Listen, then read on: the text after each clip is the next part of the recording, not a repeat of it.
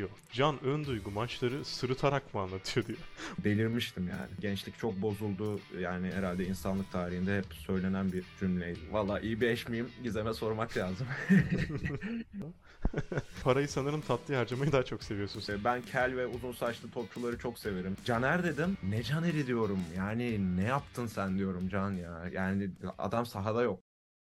Herkese yeni YouTube kanalımdan selamlar. Ben Umutcan Acar. Ee, size görenin ilk bölümünü çekmekteyiz. Şu an yanımda sevgili Can Önduygu var. Ee, birazcık size bahsedeyim isterseniz. Size görenin amacı benim de uzun süredir içinde bulunmak istediğim ve bir şekilde adımlarını atmak istediğim spor medyasına girişte en azından birkaç şeyler öğrenebilip e, gelecek adımlarını mentorlara göre atmak isteyen arkadaşlar için ve bunun dışında spor medyasına ilgisi olan tüm izleyicilerimiz için sporun içerisinden sadece medyasından da değil içerisinden olan ve gerçekten muhabbeti saran insanları ağırlamak istediğim bir program. İlk bölümünde de sevgili Can Önduygu var. Ee, kendisi yıllardır Türkiye Süper Ligi anlatıp sonrasında bir süperstar olarak yükselen ve şu an Sokrates'in çok önemli programlarından Londra merkezde e, Amerika'ya giden eski arkadaşının koltuğunu devralıp moderatörlük yapan ama sadece moderatörlükle kalmayıp programın ciddi bir bölümünde yer alan Can Önduygu. Hoş geldin abi. Teşekkürler öncelikle geldiğin için. Hoş bulduk Umut. Ben teşekkür ederim. Ee, böyle güzel bir e, projenin ilk bölümünde ilk konuk olarak yer almak da benim için çok ayrı bir e, gurur, onur. E, senin için de hayırlı olsun diyorum. E, umarım her şey güzel gider. Teşekkürler abi. Öncelikle hal hatır sorayım sana. Nasılsın? Nasıl gidiyor? Ee, çok iyiyim, çok iyiyim. Birazcık yoğunum. Ee, tabii bildiğin gibi işin yanı sıra evde de bir yoğunluk var. Ee, Ege 9 aylık oldu geçtiğimiz günlerde ve e, Tazmanya canavarı e, gibi şu anda her gördüğü şeyi dokunmak, işte e, bir yerlere tutunup böyle e, ayağa kalkmak ve e, evin içinde durmaksızın emeklemek e, istiyor. Biz de ona eşlik etmeye çalışıyoruz. Onun dışında e, işte iş tarafında, profesyonel tarafta da e, Sokrates ve Esport'ta e, devam ediyorum. Benim için e, yoğun ve keyifli bir dönem diyebilirim. Hı, teşekkürler. Ben de seni demin takdim ederken şu an Esport'ta çalıştığını bahsetmeyi unutmuşum. Onun için de bir özür değil. mesajı iletelim buradan. Peki sence bir La Liga anlatıcısı olarak Ballon d'Or sıralamaları hakkında ne düşünüyorsun? Gündemden devam edelim çünkü.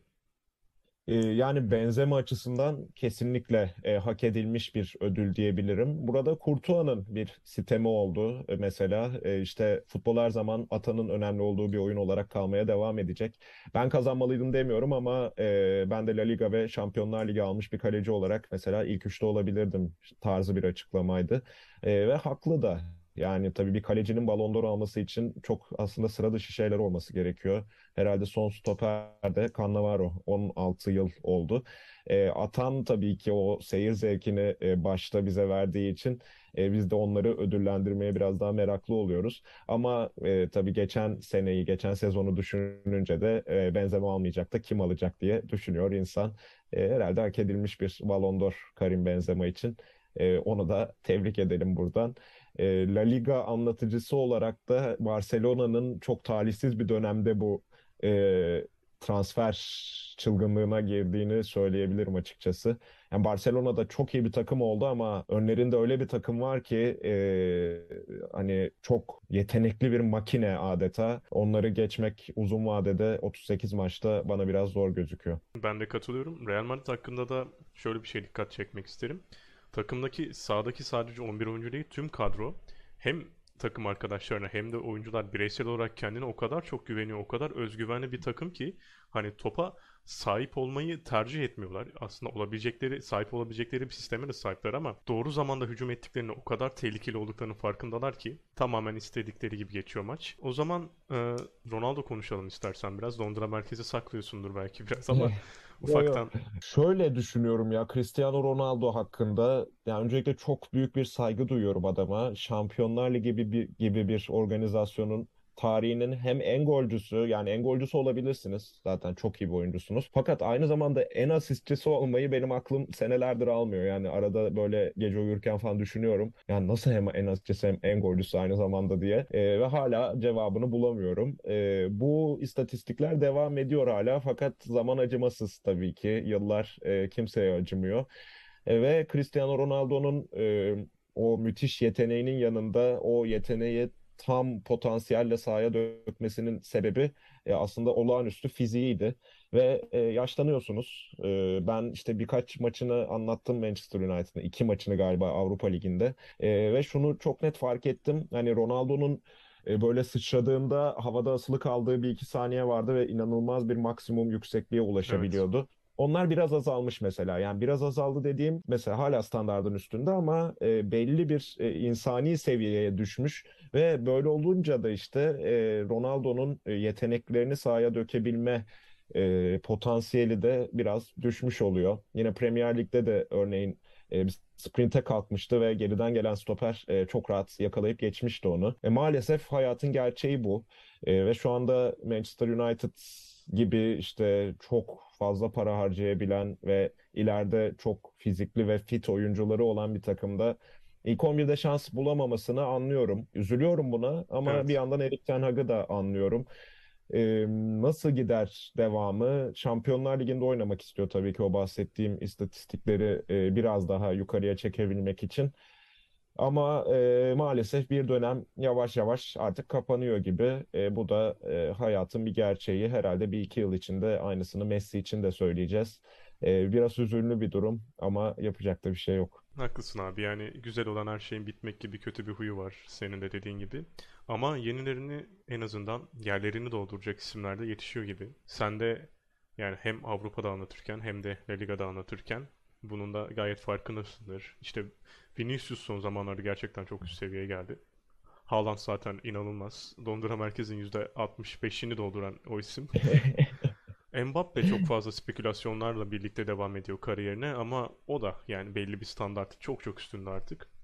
Yani size nasip oldu belki bazı hani bu süperstarları ya da sizden de öncekilere nasip oldu ama belki de yeni süperstarları anlatmak e, bizim neslimize nasip olacak gibi bu saatten evet. sonra. E, bunun dışında yani Gerard'ın kovulmasından başka çok bir gündem göremedim. O da çok beklenen bir şeydi. Ya Brandon Rodgers olacaktı ya da Gerard olacaktı. Ya bunun hakkında söylemek istediğin bir şey var mı çok önemli? Ee, şöyle bir durum var. Gerard'ın e, birkaç ay önce şöyle bir şey okumuştum Twitter'da. E, takımca çok saygı gören e, Beal diye bir yardımcısı var. E, adını şu anda unuttum kusura bakmayın. E, Queen's Park Rangers'ın başına geçti e, sezon başında sanıyorum ve e, o Beal'ın takımdan ayrılmasının da e, Gerard'ı birazcık zayıflattığına yönelik bir şeyler okumuştum. Ki e, dün sanıyorum ya da iki gün önce Beal'a Wolverhampton'ın ilgisi olduğu yönünde haberler çıktı ama Beal QPR'da kalacağını açıkladı. E, tabii böyle değerli bir e, asistanı kaybedince de e, aslında birazcık o taktiksel anlamda geriye gitmeniz kaçınılmaz oluyor diye düşünüyorum. E, maalesef yani ben Gerrard'ın da başarılı olmasını istiyordum hocalığında, teknik direktörlüğünde. Hatta işte sonraki durakta Liverpool olur gibi gözüküyordu ama Aston Villa dönemindeki bu e, kötü gidişat ve e, bu kötü son acaba kariyerini nasıl etkileyecek? Tabii Rangers'ta yaptıkları hala unutulmaz yani şampiyonluğa evet. götürmeyi başarmıştı Rangers'ı ama şimdi bir iyi deneyime daha ihtiyacı olacak büyük ihtimalle eğer e, Anfield'da e, teknik direktör olarak bir maça çıkmak istiyorsa. E, bekleyeceğiz, göreceğiz. Sonrasında bir Premier Lig takımı alabilir mi? E, tabii burada şu tartışma da aslında biraz çıkıyor ortaya. E, Lampard ve e, Gerrard ikisi de hani çok başarılı teknik direktörler olamadı şu ana kadar. Hani futboldan gelenler mi e, başarılı teknik direktör olur yoksa e, bunun başka yolları da var mıdır işte Nagelsmann gibi? Evet. E, bu tartışmayı da biraz alevlendirecek bir konu olabilir Gerrard'ın başarısız Aston Villa dönemi. Yani benim burada ekleme yapmak istediğim tek şey belki de için işin içine biraz daha bilimsellik ve data girdikten sonra sadece futboldan gelmek de yetmeyecek. Ee, Nagelsmann gibi sonradan bir noktadan gelip ya da scoutluktan gelip kendini bu işe veren insanlar belki de eski futbolcuların çok çok önüne geçecektir. Ee, buradan yardımcı antrenörlük ve teknik adamlıktan bahsetmişken istersen birazcık e, sanat sepete geçelim.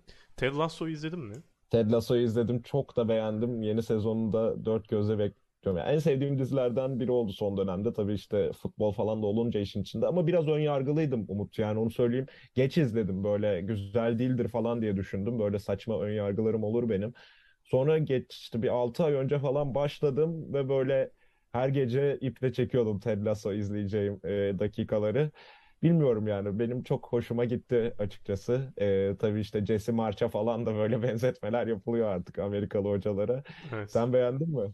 Ya ben inanılmaz beğendim. Jason Sudeikis gerçekten inanılmaz hazırlıklı yapmış zaten projeyi ve hani Premier Lig'de de markalarda da bu kadar iyi çalışılması gerçekten harika bir eser ortaya çıkarmış. Sadece işin komedisi değil, ko- güldürdüğünden daha çok ağlatabiliyor da. Evet. Ee, özellikle Jamie Tartt'ın o karakter gelişimi olsun, Roy Kent'in yine karakter gelişimi olsun.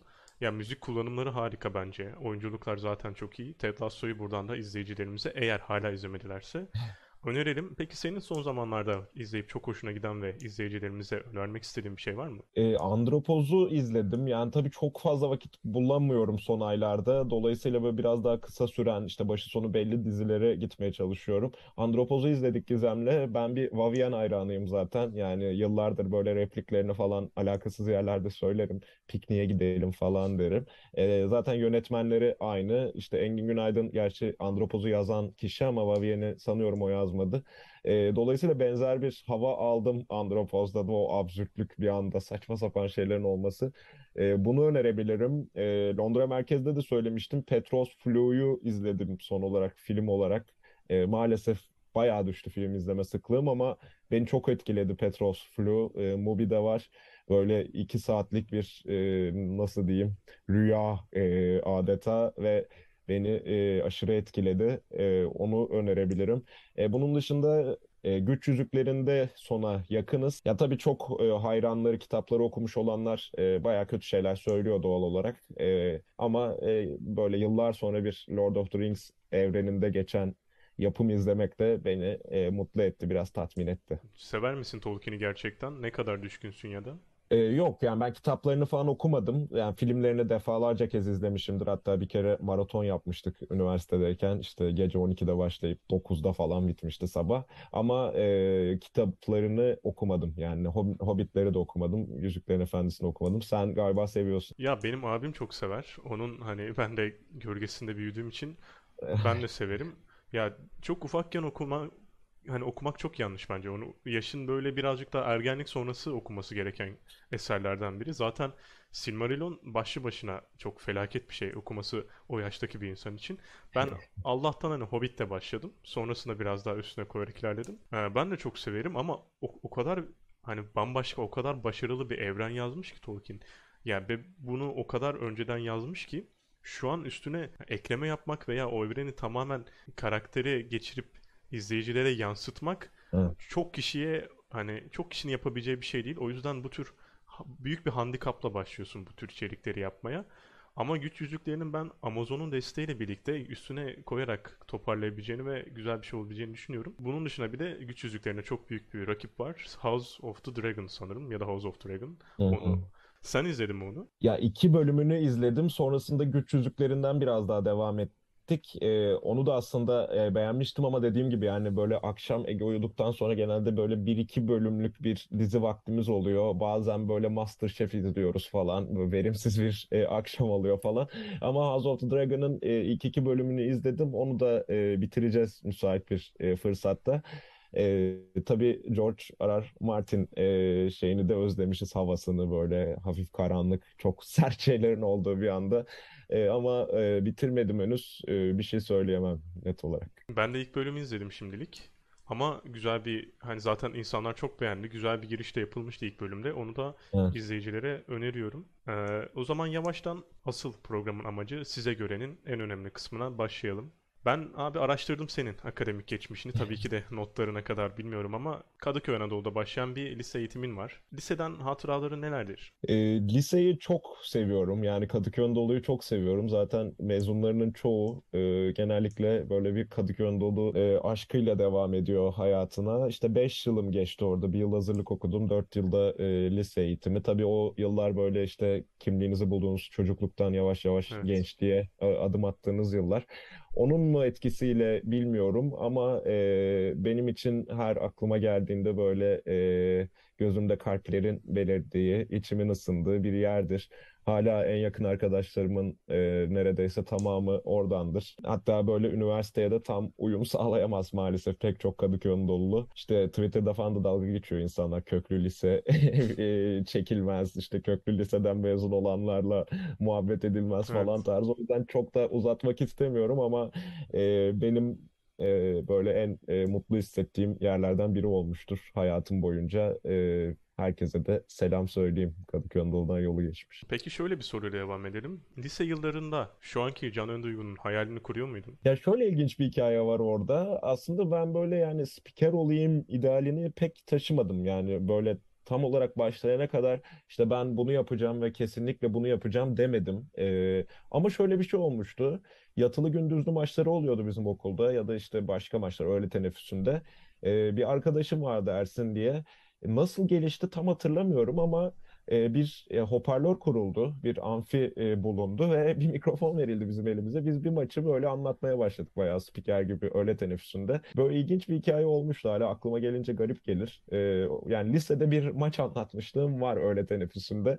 E, ama e, şu anki Can'ın duygunun hayalini kurmuyordum. Yani ne yapacağımı da bilmiyordum açıkçası. E, çoğu 16-17 yaşındaki insan gibi. Zaten o yüzden e, işletme tercihinde bulundum. Devamında da pek işletmeyle alakam olmadı. Evet, o kısma geçelim istersen. Sonra bir yine Türkiye'nin en değerli okullarından biri olan Boğaziçi'nde işletme bölümünde okumuşsun. Ee, LinkedIn'den yola çıkarak edindiğim bu bilgilere göre e, Eurosport'ta çalışma döneminde Boğaziçi ile Boğaziçi'ndeki okuma sürelerinin aynı olduğundan büyük ihtimal doğru bir denge tutturamadın. Ee, Kesinlikle. Ondan önce 2011'de spor iletişimi var. Bu süreçte girelim. Yakınlarda da spor iletişiminin yeni e, dönemi başlayacak. Buradan da Tabii. selam olsun hem Kadir Has'a hem de Eurospor'a. Buradaki süreç nasıldı senin için? Hem çok değerli bir okulda işletme öğrencisi olarak hem de hayallerini gerçekleştirmeye çalışan bir spor medyası paydaşı olarak. Ya şöyle gelişti Umut. Ee, ben işte böyle üniversite sınavına girdim. iyi bir puan yapmış bulundum. Ama yani konuşuyoruz arkadaşlarla konuşuyoruz. Ben ne yapmam gerektiğini, ne yapmak istediğimi hiç bilmiyorum. Yani TM e, okumuştum eşit ağırlık. Sonra işte iyi bir puan yaptım dedim. Yazayım Boğaziçi İşletme, Boğaziçi İktisat. Geçen önceki seneye göre Boğaziçi İktisat olacak gibiydi. Ee, sonra işte açıklandı tercihler. Bir baktım Boğaziçi İşletme'ye girmişim. Ee, iyi dedim falan işte daha yüksek bir bölüme girmiş bulundum e, diye bir e, sevindim. Sonrasında çok tesadüfen sanıyorum Aceto Balsamico'da o dönem bloglar çok popülerdi. Bülent Timurlenk'in, Bülent abinin blogunda spor iletişim sertifikasının işte tanıtımını gördüm. Böyle bir şey başlıyor sınava girebilirsiniz falan. Ben de hazırlığa e, okumaya karar vermiştim. Hazırlık okumaya biraz yatayım diye açıkçası böyle bir yıl rahat geçsin diye. Yine aynı arkadaşımla Ersin'le konuştuk. İşte buna girsek mi ya dedik. Hafta sonları da gideriz geliriz e, işte Kadir Has'a. Hem biraz daha işte bir şey yapmış oluruz hazırlık senesinde. Sınava girdik. E, işte başladı spor iletişim sertifikası. Hafta sonları gidip geliyoruz. Ama benim aklımda hala böyle işte şunu yaparım bunu yaparım diye bir şey yok. Öyle e, bir şeyler öğreniyoruz, birileriyle tanışıyoruz falan. Sonra o sertifika programının sonunda Bağış abi, Bağış Erten e, zaten yani benim kariyerimi başlatan kişidir. E siz Eurosport'a staja gelin dedi. İyi dedik staja gidelim. O sırada Eurosport'ta bir haber dairesi vardı. Eurosport 2'de günde 5-6 tane haber bülteni oluyordu. İşte biz de o, o haber bültenlerinin e, içeriğini hazırlıyoruz, haberleri hazırlıyoruz ve zamanı geldiğinde de girip off-tüpte haber sunuyoruz.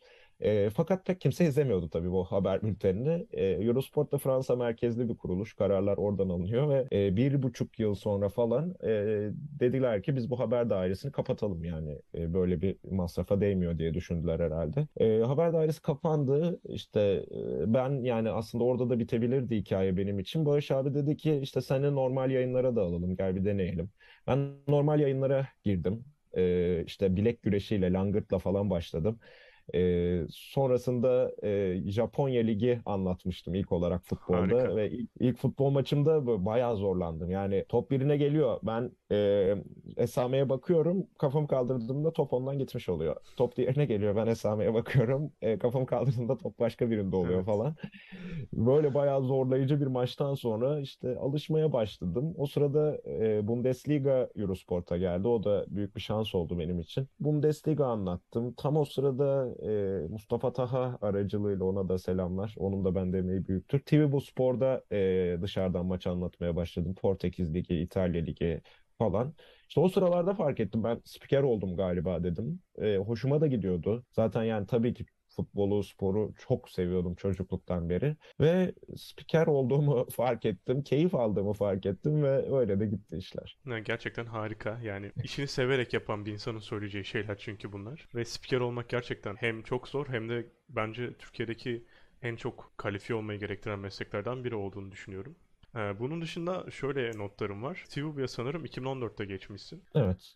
Ee, biraz da istersen e, TVB'yi konuşalım. Çünkü TV bu inanılmaz bir yükselişe geçti sanırım. Ee, benim de düşüneyim kaç oldu? 2015-16'dan sonra çok değerli spor içerikleri üreten ve e, uluslararası kupaları da alan bir kurum olmuştu.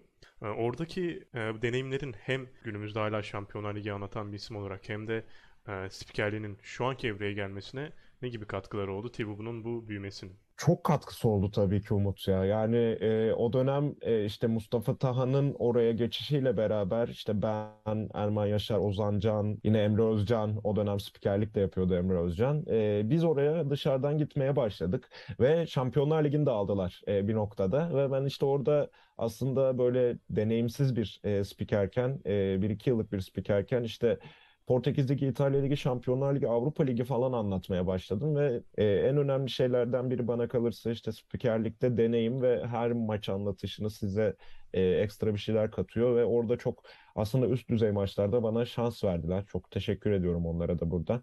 E, onun yanı sıra e, ben TVB'da muhabirlik de yaptım bazı e, maçlarda ve e, örneğin 2016 Şampiyonlar Ligi finalini San Siro'da reklam panolarının hemen arkasından takip ettim. Böyle Ramos'un gol sevincinde falan fotoğraflarda arkada gözüküyorum.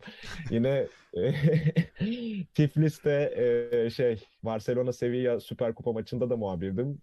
E, işte Messi, Suarez, Neymar da vardı yanlış bilmiyorsam, yanlış hatırlamıyorsam eğer. E, orada da reklam panosunun arkasında yer ayırıyorlar muhabirlere. Hı hı. E, yine ben de oradayım. İşte bir böyle Barcelona gol atıyor. Yani 3-4 metre önümde Messi Suarez kucaklaşıyor falan. Böyle çok e, güzel deneyimler yaşadım. İşte böyle büyük futbolcularla, hocalarla röportaj yapma şansı buldum. E, TV bu yıllarını çok güzel hatırlıyorum. E, sanıyorum 2-3 yıl, 2,5 yıl falan kadar sürmüştü ama hem spikerlik hem muhabirlik olarak böyle futbolun içinde yer alma, o büyük maçların organizasyonunu takip edebilme açısından e, çok değerliydi benim için. E, sevgiler yani emeği geçen herkese çok teşekkür ederim bu alanda. O zaman e, şeyi sormak isterim abi sana. Efsane Klopp röportajın TVB dönemine mi denk geliyor? E, yok, Bein Sports'taydı o da. Bein'de de az da olsa e, muhabirlik yapmıştım. Şey Süper Kupa İstanbul'da. E, Chelsea Liverpool. Ya Evet. Klopp'un acayip bir enerjisi var abi ya. Bazı insanlar böyle hakikaten büyük teknik adamlar odaya girdiğinde bile böyle havayı değiştiriyor derlerdi. Ben pek inanmazdım ama Klopp'ta onu hissediyorsunuz. Size yani bir dakika iki, iki dakika bir konuşmamız oldu alt tarafı ama böyle bana çok değer veriyormuş gibi hissettim.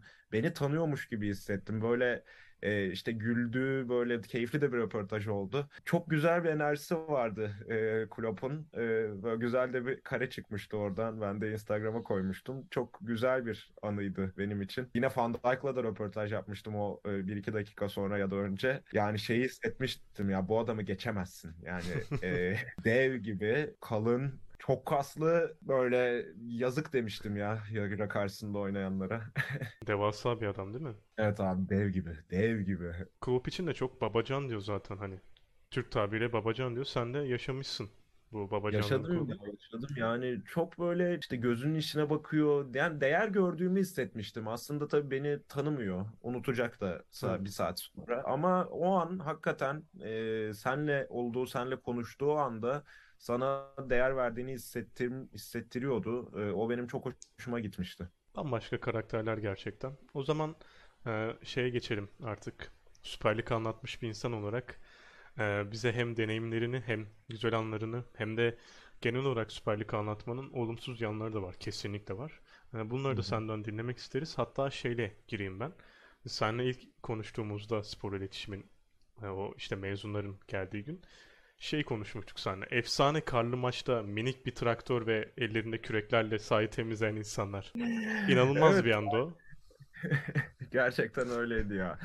Ya aslında o maç e, iyi yanlarını da olumsuz yanlarını da biraz özetliyor Süper Lig anlatmanın. İşte e, Rize'ye gitmiştim ben o sabah ve sonrasında ciddi bir kar yağışı başlamıştı bir anda. E, maç saati ne olacak, bugün mü oynanacak, ertesi gün mü oynanacak falan sorularıyla böyle beklemeye başladım anlatım yerinde. O sırada e, maçın hakemi çıktı Volkan Bayarslan. İşte hocam ne olacak falan diye sordum. E, oynanır bu karda ben Erzurumluyum dedi. E, bu karda bir şey yok dedi. Ve o sırada doğaçlama bir çalışma başladı. Tribünler kale arkası tribününü indirdi Rizespor yetkilileri. E, o sırada çok tatlı bir traktör geldi. O bir yandan çalışıyor. Bir yandan Rizespor taraftarı adamlar para verip aslında maç izlemeye gelmiş. Onlar sahayı temizliyor. Temizlik bitti. Saha içinde üçlü çekti Rizespor taraftar. O sırada traktör dönmeye devam ediyor falan. Yani dizi sahnesi gibiydi her şey. Ee, çok da güzel bir maç olmuştu. 3-2 bitti yanlış hatırlamıyorsam o maç. Poyan Palo penaltıdan hat-trick yaptı falan.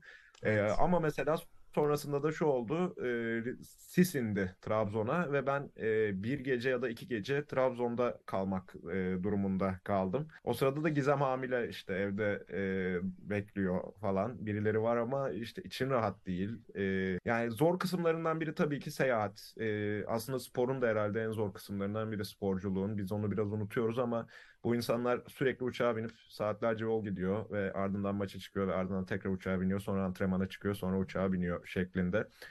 Bunun yanı sıra tabii ki Süper Lig anlatmak büyük bir keyif başta. Zira yaşadığınız ülkenin en üst düzey, e, en üstteki e, ligini, futbol ligini anlatma şansı buluyorsunuz. E, büyük takım maçları daha doğrusu işte şimdi büyük takım demeyeyim de şampiyonluk yaşamış takımları anlatınca çok ciddi bir e, kitleye hitap etmiş oluyorsunuz. Fakat benim açımdan bu kadar büyük bir e, kitleye hitap etmenin e, zorlukları da oluyor. E, bir e, baskı altında hissediyorsunuz kendini ya da ben hissediyordum en azından. Çok normal. Ağzınızdan çıkacak bir kelime e, bir anda e, sizi hedef tahtasına koyabiliyor ve oraya gidip bir anda hedef tahtasındayken e, maç anlatmak durumunda hissediyorsunuz kendinizi E, ve e, size milyonlarca insan aslında kötü gözle bakıyor o anda. Zira hedef gösteriliyorsunuz. E, yani böyle ilginç e, baskı e, altında hissetmeler oluyor, tehdit altında hissetmeler oluyor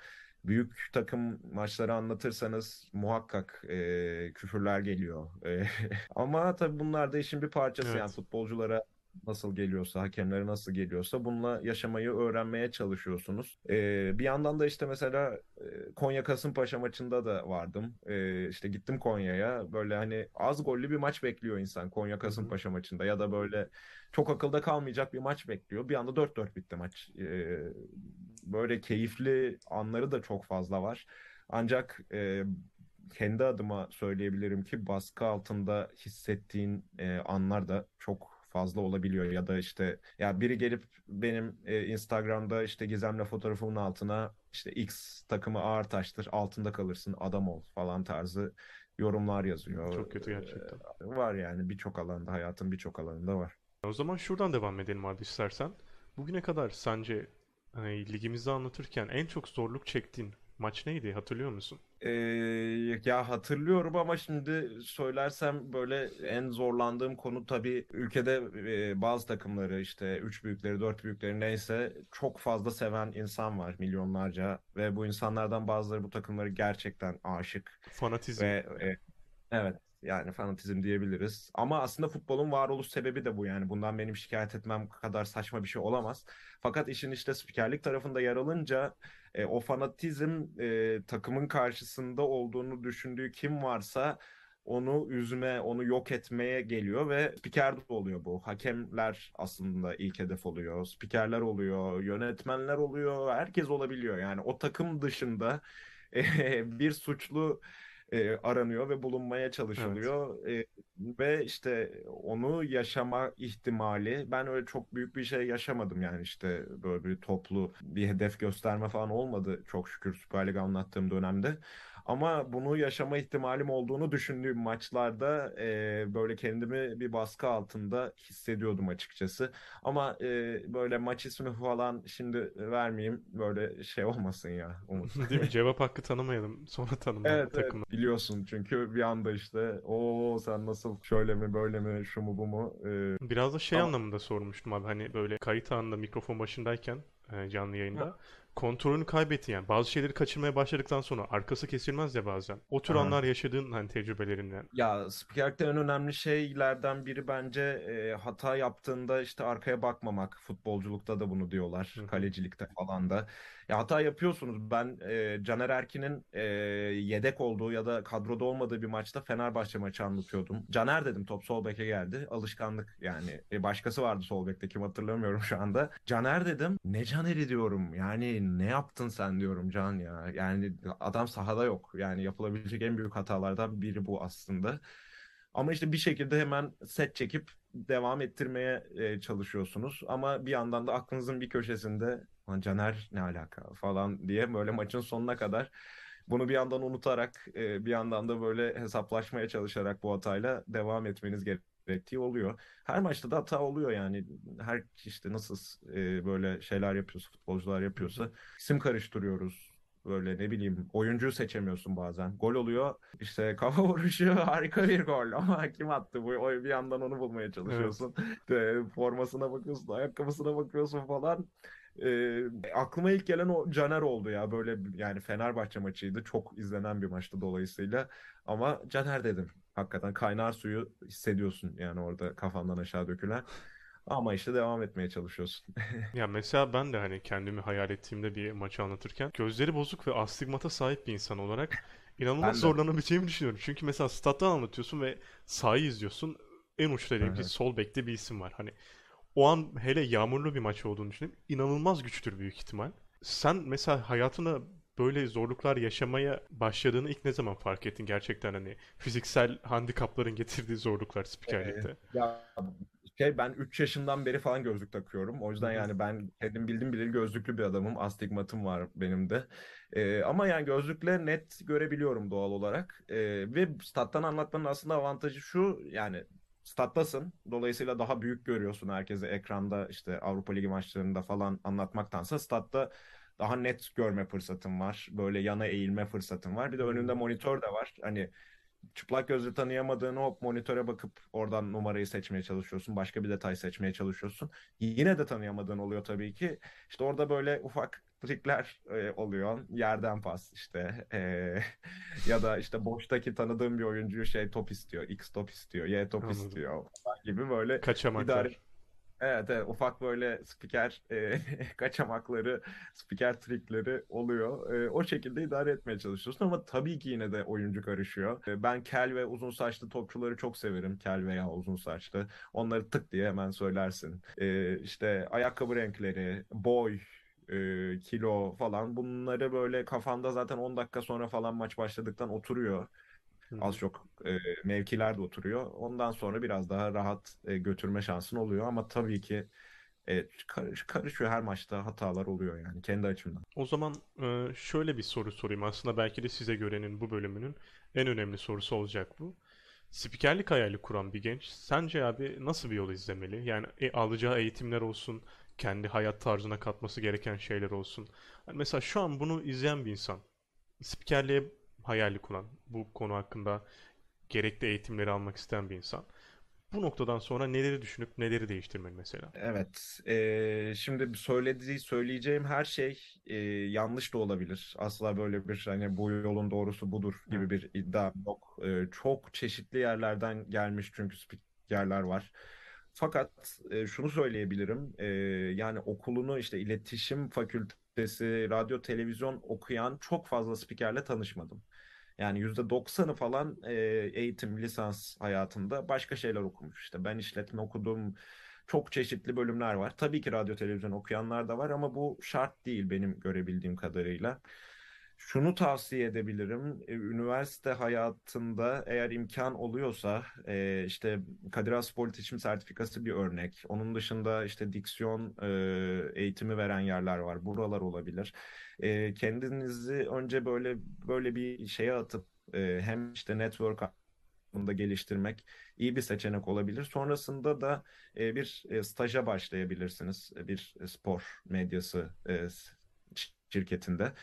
E, bana en e, verimli yol, en e, nasıl diyeyim, sonuca giden yol bu gibi geldi. Tanıştığım insanların hikayesine baktığımda, kendi hikayeme baktığımda. E, üniversite hayatında başka bir bölüm okuyup onu da yedekte tutup cepte tutup çünkü ya her şey bayağı şansa da bağlı aslında bu sektörde. İşte yeteneğiniz olabilir, iyi yapıyor da olabilirsiniz ama bir türlü denk düşmez. Ne bileyim e, maç anlatacak yani yayın hakkı sahibi olan bir yerde çalışmayabilirsiniz. Ya da e, çalışırsınız bir talihsizlik yaşarsınız. Dolayısıyla cebinizde bir yedek yapabilecek bir şey tutmanız önemli gibi geliyor bana. E, bunun dışında işte dediğim gibi e, o diksiyon kursu ya da işte bir sertifika programına katılıp orada e, çevrenizi genişletip bir yerde staja başlamak ve suyu test etmek bana mantıklı geliyor.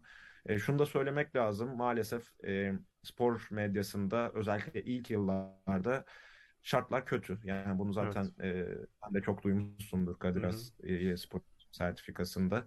İşte bu yüzden de biraz şey diyorum yani üniversite sırasında e, hani biraz daha e, nasıl diyeyim paraya az ihtiyacınız olan yıllarda ya da işte böyle idare edebileceğiniz yıllarda o ilk yılları geçirirseniz e, o etkiyi, o spor medyasındaki kötü şartları biraz daha az hissedebilirsiniz ama maalesef ilk 2-3 yıl maddi olarak pek bir şey beklememek gerekiyordu ben başladığımda. Şu an tabii belki düzelmiştir her şey ama zannetmiyorum. İşte sen arz talep e, konuştuk yayından önce Aynen yani öyle. E, talep var spor medyasında çalışmaya. Fakat e, kontenjan belli, e, kanal sayısı belli. Dar bir sektör en nihayetinde. E, yani toplasan işte 10-15 tane yer var e, çalışabileceğin.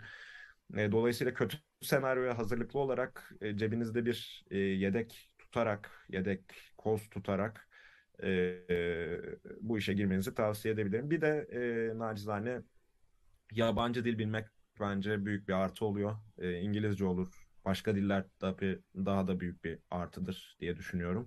Ama bir yabancı dilde en azından e, hani kendimi geliştirmek istiyorum bu sektör için derseniz e, bunu önerebilirim. Teşekkürler abi. Gerçekten hani senin dediğin gibi pek çok gence şu an sorsak büyük ihtimal bir şekilde maçı anlatmak, yorumlamak veya bir şekilde bu spor medyasının içinde olmak istiyor. Ama dediğin gibi şu anki şartlar özellikle bu kadar kolay olmaya ya da hayatının hani en önemli en çok para ihtiyacın olan zamanlarında çok fazla maddi bir gelir elde etmemeyi sana zorunlu kılıyor. Ee, bunun dışında sana şunu sormak isterim. Bu da benim özel sorum. Şu an olduğun can ön duygudan ne kadar memnunsun? Yani şu an hayatımın en güzel dönemlerinden birini yaşıyorum aslında. Ee, sadece profesyonel anlamda değil. İşte e, kızım oldu. Çok e, sevdiğim bir ailem var. Maşallah. E, aile hayatım var e, profesyonel olarak da aslında çok mutlu hissediyorum kendime. Farklı alanlarda ifade edebiliyorum. İşte yine Şampiyonlar Ligi anlatıyorum, La Liga anlatıyorum, Serie A anlatıyorum. E, Avrupa futbolu anlatmayı ben çok seviyorum. İşte İtalya, İspanya, İngiltere pek fark etmez.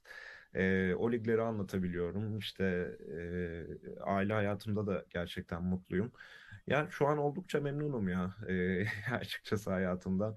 Böyle bir işte şikayetim yok yani bulunduğum konumdan memnun olduğumu hissediyorum her gün açıkçası. Çok güzel bir şey abi. Hani sadece mesleki başarı değil insanın içinde kendisine olan özgüveni olsun veya kendisiyle gurur duyma aşaması olsun gerçekten çok önemli. Biraz da istersen şey söyleyeyim ya Umut araya girip bu arada şey de demek istiyorum. Yani e, mesela 2-3 sene önce çok zor bir dönemden geçtim özel olarak özel hayatımda yani iş olarak çok farklı bir şey yoktu. Hı hı. Ama yani çok böyle karanlıkta hissettiğim dönemler de oldu böyle hani e, hep Teletubby gibi gezmiyordum ortalıkta. E, bu yüzden hani mental sağlık e, gerçekten çok önemli bir şey. Evet, Konuşulması evet. gereken bir şey. Eğer imkanınız varsa uzmanlara gidilmesi gereken bir şey. E, ve işte şu anda da e, özellikle gençlerin benim 10 yıl önceki halimden daha farklı problemleri olduğunu da görüyorum maalesef. E, işte ekonomi olsun, başka şartlar olsun. E, yani kendinizi yalnız ve çaresiz hissettiğiniz anlarda e, işte birileriyle konuşmak ya da işte bir yardım istemek asla e, ayıp bir şey değil diyeyim, ekleyeyim. Hatta ben de hani çok destekliyorum. Çeşitli okulların öğrenciler için söylüyorum bunu. Yani bu tür terapi hizmeti de oluyor. Bizim okulunda var. ODTÜ'nün, Boğaziçi'nde var, Bilkent'inde var. Bunların hepsinin var olduğunu biliyorum. Hani izleyicilerimiz gerçekten böyle problemler yaşıyorsa ailesiyle tartışmak ya da arkadaşlarına bundan bahsedip hiçbir sonuç elde edememek yerine bir profesyonelle görüşmek gerçekten hayatları için çok önemli bir nokta olabilir. Senin yardımına da bunu söylemiş olduk.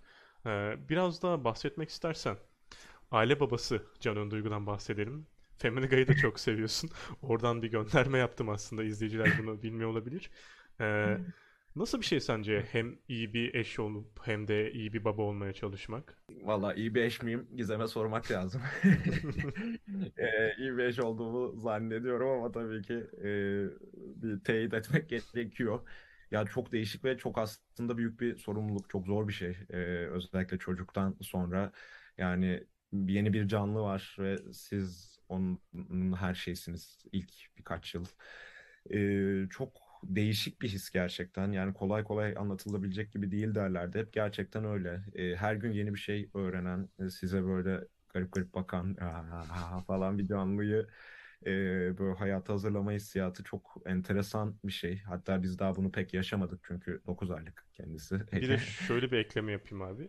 O canlının hani burada olmasının en büyük sebepleri sizsiniz. Bir de bunun bilincinde olarak bunu hareket ettirmek çok. Evet yani o istemedi biz e, yaptık sonuçta E, böyle çok büyük bir sorumluluk bir e, aynı zamanda yaşam amacı e, her şeyden öte yani hayatınızı tamamen değiştiren ama iyi yönde değiştiren her şeyi dolduran bir his diyebilirim E, yani Ege'den önce de Gizem de benim hayat amaçlarımdan biri. Beni yani özel hayatımda işte kişisel olarak beni e, doldurmuş, bana hatta belli atılımlar yapma şansı vermiş profesyonel hayatımda da iki insan. Henüz Ege küçük bir insan ama Gizem de e, benim açımdan çok önemli e, ve böyle içimi dolduran bir figür diyebilirim. Harika gerçekten abi. Şu an şeyi anlatıyorsun sen. Yani Can Önduygu'nun hayatı e, lisede gelecek hayali kuran veya üniversitede gelecek hayali kuran herhangi bir e, erkeğin kabul edebileceği en güzel hayatlardan biri şu an. O yüzden hani ben gerçekten hayranlık duyuyorum sana. Tabii ki de pek çok şey aslında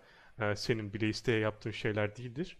Ama umarım bu mutluluğun, bu güzel hayatın sonsuza kadar, yani sonsuza kadar devam etmeyecek ama uzunca bir süre böyle devam eder diye umuyorum. Umarım. İstersen yavaş yavaş şey geçelim. Artık bir dijital içerik üreticilerinden birisin. Hem Sokrates'te hem de İstanbul Havalimanı'nın Igaport'un e, oyun içerikli videolarının e, sunucususun. E, sence konvansiyonel medyadan dijitale geçmekteki en büyük getiriler ve götürüler bunlardan bahsetmek ister misin? Nelerdir? Şöyle yani dünya değişiyor falan gibi klasik bir cevapla başlayayım ve biz işte yani yeni nesil doğal olarak e, televizyon izlemiyor artık. Ben bu gerçeği e, Evet. biraz eskiden de böyle birkaç bir iki yıl önce de fark etmiştim. E, ve artık işte tabii farklı bir dünya var. Televizyonlarda ilk olarak YouTube açılıyor. Ben de tam olarak ayak uydurabilmiş değilim mesela. Yani ilk hemen YouTube'u açıp asıl televizyonda bir şeyler izlemeye Hı ama hı. böyle olacak. Öyle oluyor artık. Ee, getirileri şu herhalde anında izlenme ve izleyenlerin sana e, nerede ve kim olursa olsun e, iki tuşa basıp hislerini belli edebilmesi. E, işte YouTube yorumlarında, şurada, burada. E, ilgi çekici bir içerik yapmıyorsanız eğer ya da işte bağlanamadıysanız seyirciyle bunu anında görmek. Bir başka getirisi çok az bir maliyetle hatta sıfır maliyetle e, işte senin şu anda e, kalkıştığın güzel iş gibi e, sizin e, bir şey hazırlayabilmek e, ve bunu e, milyonlarca insanın aslında beğenisini sunabilmek. Tabii ki başta birazcık işte e, bir izleyici kitlesi inşa etmeniz gerekiyor. Getirilerinden biri biraz daha e, o resmiyetten kurtulabilmeniz. Bunun götürüleri de oluyor. Geçen hafta gördüm. E, e, daha böyle samimi bir ilişki kurabilmeniz. O işte stüdyoda takım elbiseyle e, belli kısıtlar dahilinde olmaktan e, kurtulabilmeniz. Yani daha samimi bir hale getirdi. Tabii bunun yanı sıra bir iç- içerik patlaması oldu oradan. E, aslında belki güzel içerikler de fark edilmemeye başlandı. Bu da götürüsü denebilir. Ama başka bir hayat var artık. Başka bir dünya var. Ve bence daha da güzel bir dünya var. Daha eşit fırsatlara sahip olduğu insanların bir e, dünya var. Yani eğer ben güzel bir iş yapacağım ve şöyle şöyle emek vereceğim diyorsanız bu işi e, maddi bir e, kısıt olmadan ya da maddi bir e, zorunluluk olmadan artık yapabilmeniz fazlasıyla mümkün. Yani böyle bir değişiklik var diyebilirim ya. Ya benim en azından gözlemlediğim işte yayıncı kuruluşlardan ya da Eurosport gibi, TVBU'dan gibi gelip dijital içerik üreten insanlarda en çok rahatlık gösteren şey prompter'ın önündeki anchorman olmak yerine arkadaş ortamında muhabbet ediyormuş gibi içerikler üretip bu içeriklerin eski yaptığı işe göre daha çok tutması ve daha çok beğenilmesinin verdiği hani bu zevk gerçekten e, sizin en büyük motivasyonlarınızdan biridir sanırım. Kesinlikle yani biraz o artık klasik adab-ı muaşeret kanunlarından sıyrıldı bence. Hem Türkiye hem bütün insanlık. Yani bu iyi mi oldu, kötü mü oldu çok tartışılır işte. Gençlik çok bozuldu. Yani herhalde insanlık tarihinde hep söylenen bir cümleydi. Evet. 300 yılında söylendi. Milattan önce 1000'de de söylendi. Şu anda da söyleniyor. Ama e, artık böyle e, o işte e, takım elbise, kravat ve çok düzgün doğru cümleler, kalıp cümlelerden uzaklaşılması, biraz daha işte o arkadaş ortamındaki sohbetle samimi bir e, enerji verilmesi insanlara benim hoşuma giden bir şey. Ama tabii gitmeyen de vardır. E, ama dünya hep değişiyor ve buna dönüyor şu anda. Ben de memnuniyetsiz değilim açıkçası. Şöyle bir şey sorabilir miyim sana peki? E, dijitalde özellikle Londra merkezdeki gibi bir e, içerik ortaya koyduğunu düşünelim ama bunları e, Bean'de veya TVBU'da yaptığını düşünelim. Senin için kabus gibi geliyor mu şu an hayal ettiğinde? Evet.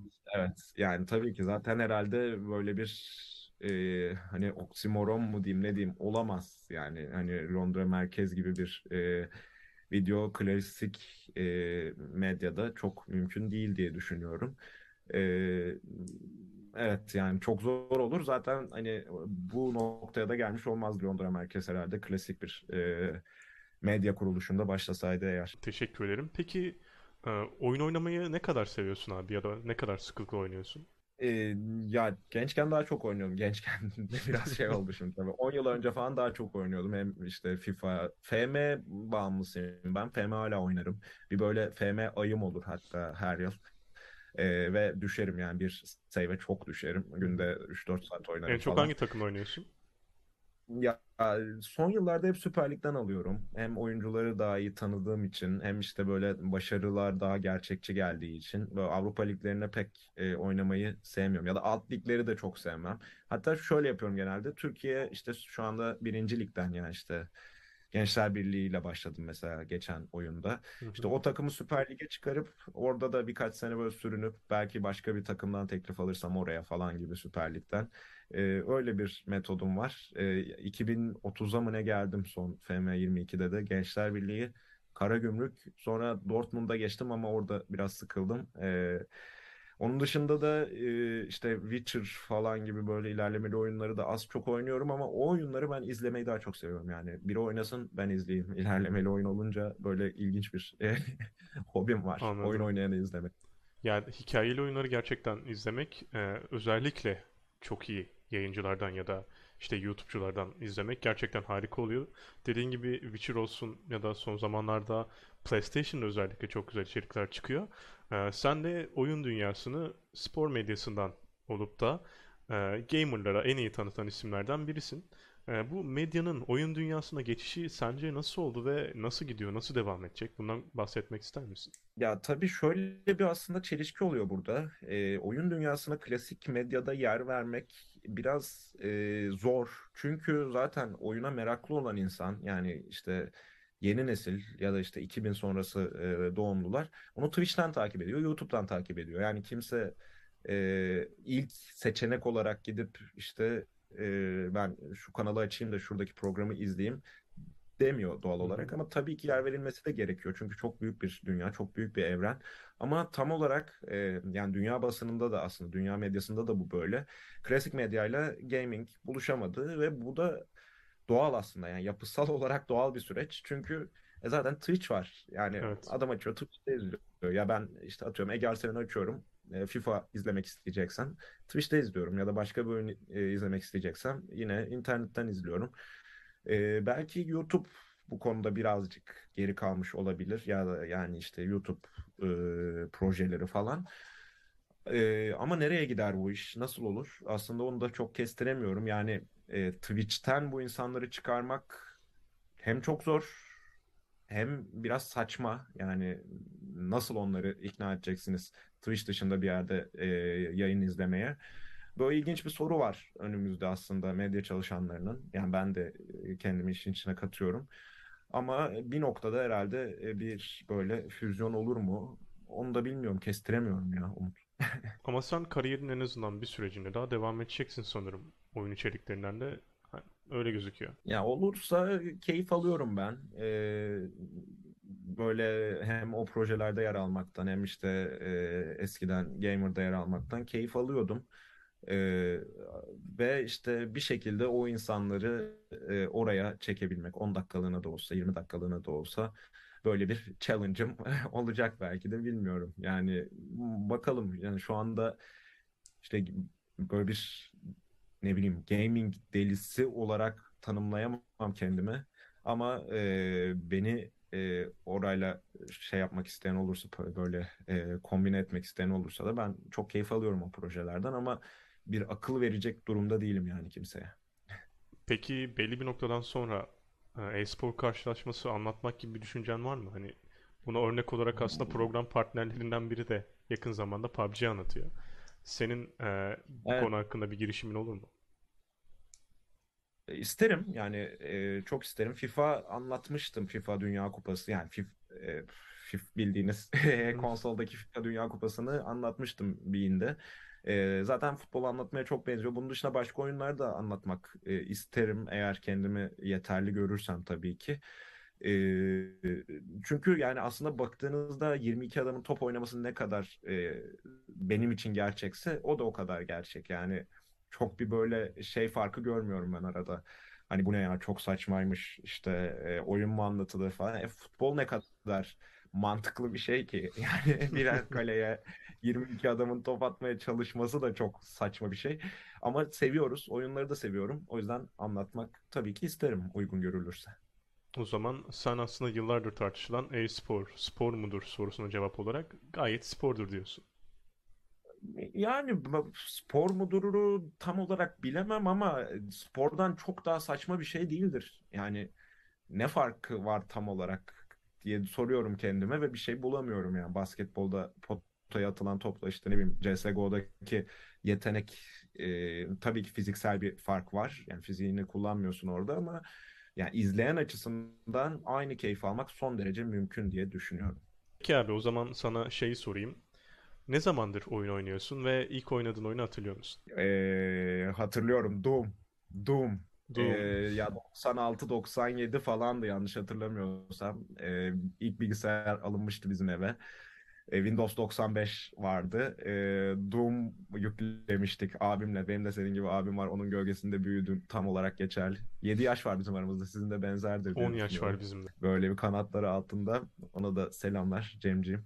Ee, ID'de Q'deydi. Şifreleri hatırlıyorum yani o kadar e, oynardım. Tabii aslında bir çocuğun oynayacağı bir oyun değildi pek ama o dönem öyle bir hassasiyet de pek yoktu. Doom oynamıştım. Sonra Quake 3 falan böyle o dönemler e, çok fazla. Tabii Counter Strike e, ciddi miktarda F- hesaplarda. FPS'le başlamışsın sen kariyerine resmen yani. Evet. Evet. Ya tabii o sıralar hep FIFA çıkan FIFA'ları falan da oynuyordum ama e, tabii o zamanlar FIFA'lar böyle çok e, düşük seviyedeydi. Dolayısıyla FPS'ler daha keyifli oluyordu.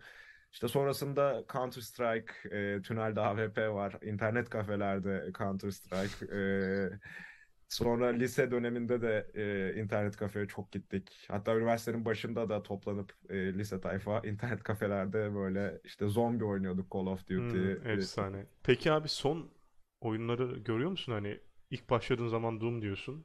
Hani ben belki de dünyada yoktum. Son çıkan Call of Duty'nin oyunundaki Amsterdam inanılmaz olmuş. Ha, onun dışında harika oyunlar çıkıyor Unreal Engine'le birlikte. Yani ben senin yaşına geldiğimde neler olabileceğini mesela şu an tahmin edemiyorum. Sen peki bir üniversite çağındayken en azından nereye kadar tahmin etmiştin bu durumu? Ya üniversite çağımda artık az çok böyle hani evet ya uçacak her şey demeye başlamıştım ama tabii yani Doom oynarken ya da işte Call of Duty 2 oynarken 2006 2007-2008 falandı sanıyorum. Yani buralara geleceğini anlamak çok mümkün değildi. Şu anda da ben VR'ı çok merakla bekliyorum. Ee, VR'ın spor yayıncılığına tam olarak girmesi, sanal kombineler falan sonu yok yani o iş. futbolcuların gözünden izlenebilecek maçlar inanılmaz pahalı olur kesinlikle ama öden, ödenmeyecek bir bedel de değildir belki de. O zaman artık e, biraz daha mesleki ve ciddi konuları geride bırakıp makara kısmıyla izninle devam edelim. E, Ekşi ne sıklıkla okuyorsun abi? Ya okuyorum. Yani zaten hep okuyordum. Hani kendimi okuyor musun diyorsan okuyorum. Artık inanılmaz bir mecra oldu mesela Ekşi. Ben de senin hakkında bazı notlar alırken orayı kullandım ki benim bile Ekşi'de artık bir yani başlığım var. O, o derece sapıklaştı Ekşi Sözlük. Siber zorbalığın da çok olduğu bir yer olduğunu düşünüyorum. Özellikle sizin gibi televizyonların önünde, ekranların önünde ve hayatındaki e, önemli insanları da sosyal medyada bir şekilde gösteren insanlar için e, çok da tehlikeli yerler olabiliyor işte hem Instagram gibi, Twitter gibi ya da Ekşi Sözlük gibi yerler. E, buranın burayla da aslında psikolojik olarak başa çıkmak da çok zor olmalı. İstanbul'da mı büyümüştün abi sen peki?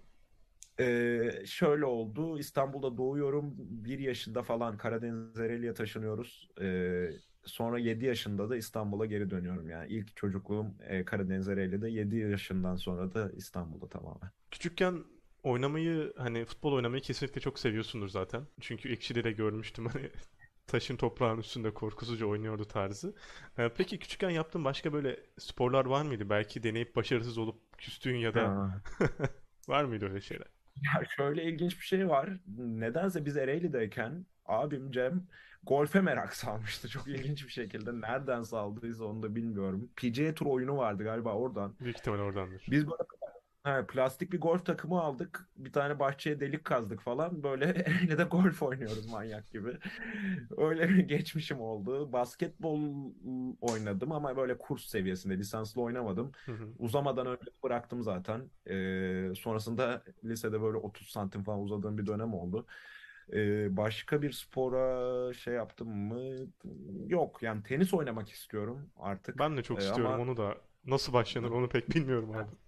Ben de o yıllardır işte tenis oynasam falan diyorum. Sonra unutuyorum.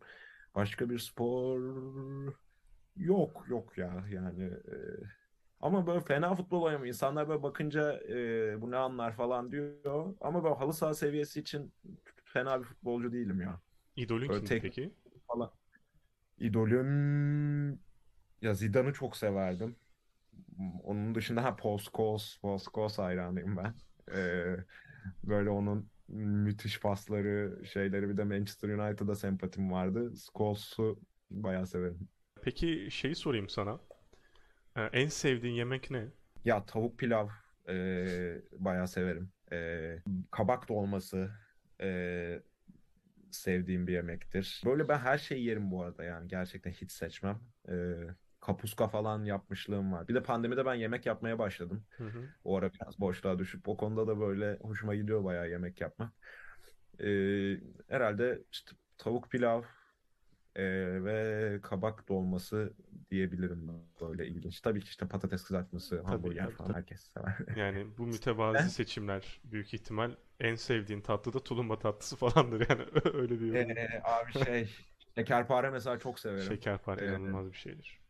Kaymaklı ekmek kadayıfı falan. ee, yani Orada birazcık parayı sanırım tatlıya harcamayı daha çok seviyorsun sen beslenme konusunda. Peki en sevdiğin film ne? En beğendiğin film yani? Defalarca Oy. izledim belki de. Abi hemen Letterboxd ee, şeyimi de açayım bir yandan. Abi American Beauty izlediğimde çok etkilenmiştim. Kevin. Spacey'nin oynadığı. Ee, ya ben biraz daha böyle ağır akan ve böyle işte sıkıcı filmleri de seviyorum. Manchester by the Sea. Uf. Bir daha izlemem ama onu yani. O kadar üzülmek istemiyorum. Abi ben Manchester by the Sea'yi izleme listemde ama onu izleyebilecek kadar sağlıklı bir mental durumuna geçemediğim için daha izlemedim. Öyle benim Evet evet abi. çok filmim var Evet biriktirdim. Belfast'ı bayağı beğendim son Belfast. izlediklerimden. Ornitorenk 1 bu arada şeyim sanırım. E, Letterboxd diyeyim. E, takip edebilirsiniz. Ben de ederim herhalde. Buradan önerelim o zaman Ornitorenk 1'i. Pek çok yerde daha Ornitorenk 1'di bir süre sanırım senin nickname'in. Bunun arkasındaki yatan sebep ne acaba? Sen çok iyi anlarsın ya. Cem. E, abim. Yani onu böyle Ornitorenk diye bir nicki vardı bir ara. Ben de böyle işte taklit ediyorum, özeniyorum falan. E, böyle kaldı sonra. Cem vazgeçti Ornitorenk'ten ben aldım. E, böyle Ornitorenk 1 diye e, çoğu yerde e, mevcut. Şey diyebilir miyiz abi peki? Bir e, kardeşin aldığı ilk büyük nickname abisinin bıraktığı nickname'dir diyebilir miyiz? Valla senin de öyle eğer diyebiliriz Benim de öyle. artık. Buradan şimdi ifşa almak istemiyorum abimi. Hala belki bazı yerlerde onu kullanıyordur ama ilk aldığım büyük nickname abimin bana bıraktığı nickname'di. Ama senin abin de çok hani gerçekten önemli bir insan ve akademik anlamda da inanılmaz başarılı bir insan. Ee, İçten içe abinin bu durumuna olan böyle ufak kıskançlığın oldu mu sen belli bir Tabii tabii eskiden hele çok vardı. Yani adam bir yetenek deposu. Resim yapar, gitar çalar, bateri çalar. Geçen cello aldı, bir yılda cello çalmaya başladı. İşte komiktir, bilmem ne falan. Özellikle böyle işte ilk o ergenlik döneminde falan. Ya ben ne yapacağım diyordum. Adam her şeyi yapıyor. Bana da futbol kaldı işte. Öyle bir şaka var aramızda. Bana da spor kısmı kaldı. Ee, hakikaten böyle şey bir zihindir ya. Ee, çok değişik bir zihindir. Lewandowski'nin 9 dakikada 5 gol attığı maçın Türkçe anlatıcısı sensin. O maç hakkında Evet. da söylemek istediğin güzel şeyler vardı. Bunları dinlemek isteriz senden. Ya şöyle oldu işte maça gireceğim böyle sıradan bir maç gibi tabii ki düşünüyor insan. Hani işte Bayern Münih maçı tabii ki ama e, yani ne olabilir diye giriyorsun. İlk yarı Lewandowski ilk 11'de değildi. Onu belki unutanlar vardır. 45'te girdi oyuna. Devre arası Bayern çok kötü. 1-0 geride Wolfsburg'a karşı. 45'te giriyor oyuna. Orhan Ulucay'layız. İşte 49 falan ilk gol dakikası galiba. Sonra 51, sonra 53, sonra 57 falan. Ya böyle şeyi hissettiğim ilk maçta o. Gerçek mi bu yaşananlar? Ben rüya mı görüyorum? Böyle o- öyle çok sıra dışı tarihi şeylere denk geldiğinizde böyle bir kafanız uçuyor gibi böyle farklı bir ruh haline bürünüyorsunuz. Ben de şey diyorum. Bunu açıklamak isterim artık. 15 dakikada 5 gol diyorum. Çünkü Lewandowski devre arasında giriyor ya. Hı hı. Ben hep o andan itibaren sayacı başlatıyorum. Halbuki ilk golle ikin 5. gol arası işte 9 dakika mı 10 dakika mı öyle bir şey. 9 Aslında, dakika sanırım. aslında onu söylemek doğrusu. Yani daha kısa bir sürede atılıyor. 5 golün zaman aralığı 9 dakika. Ama bir noktada artık 4. golle beraber falan kafa gidiyor. Ve diyorum ki işte 15 dakikada 5 gol falan. İnsanlar da onunla dalga geçti. Hem ilk anlattığım zaman hem işte şu anda da Twitter'da duruyor. Ya bu konuda açıklamamı yapmış olayım. Tabii ki 9 dakika desem daha iyiydi ama işte öyle anlarda e, böyle her şeyi doğru yapamayabiliyorsunuz. Çünkü çıldırıyorsunuz ya. Yani böyle delirmiştim yani. Orhan Uca da delirmişti. Guardiola falan ne oluyor diyor yani ne yapıyorsun? Efsane bir şok olmuş pozu vardı zaten. Ellerini kafasının arasına aldı o maçtı sanırım o da. Arkadaş çevremden özellikle sana sormam için çok baskı yapılmış bir soru var.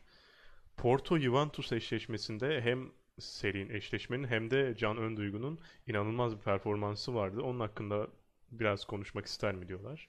Hani en iyi anlattığım maç ne deseler herhalde o maç derim. Yani tam anlamıyla böyle ilginç bir şekilde bütünleşmiştim. Yani böyle iyi çalışmıştım. Şey bilgisi verdikten sonra gol oldu mesela. İşte Ronaldo yıllar önce işte Porto'yu oradan atmıştı. Şimdi aynı yer karşı takımda Ronaldo falan. Sergio Oliveira bir vurdu. Bam içeride falan. Doğru yerlerde doğru şeyler söylemiştim falan. Yani benim de hakikaten düşündüğümde e, böyle en e, böyle bütünleştiğim maç olarak onu seçebilirim. İnsanların da aklında öyle kalması hoşuma gitti. Teşekkürler abi. Sana bu kısımda sormak istediğim ya da konuşmak istediğimiz son bir şey var. Ee, Ekşi Sözlük'te de Twitter'da da çok fazla görüyorum bunu. Sen de eminim ki görüyorsun.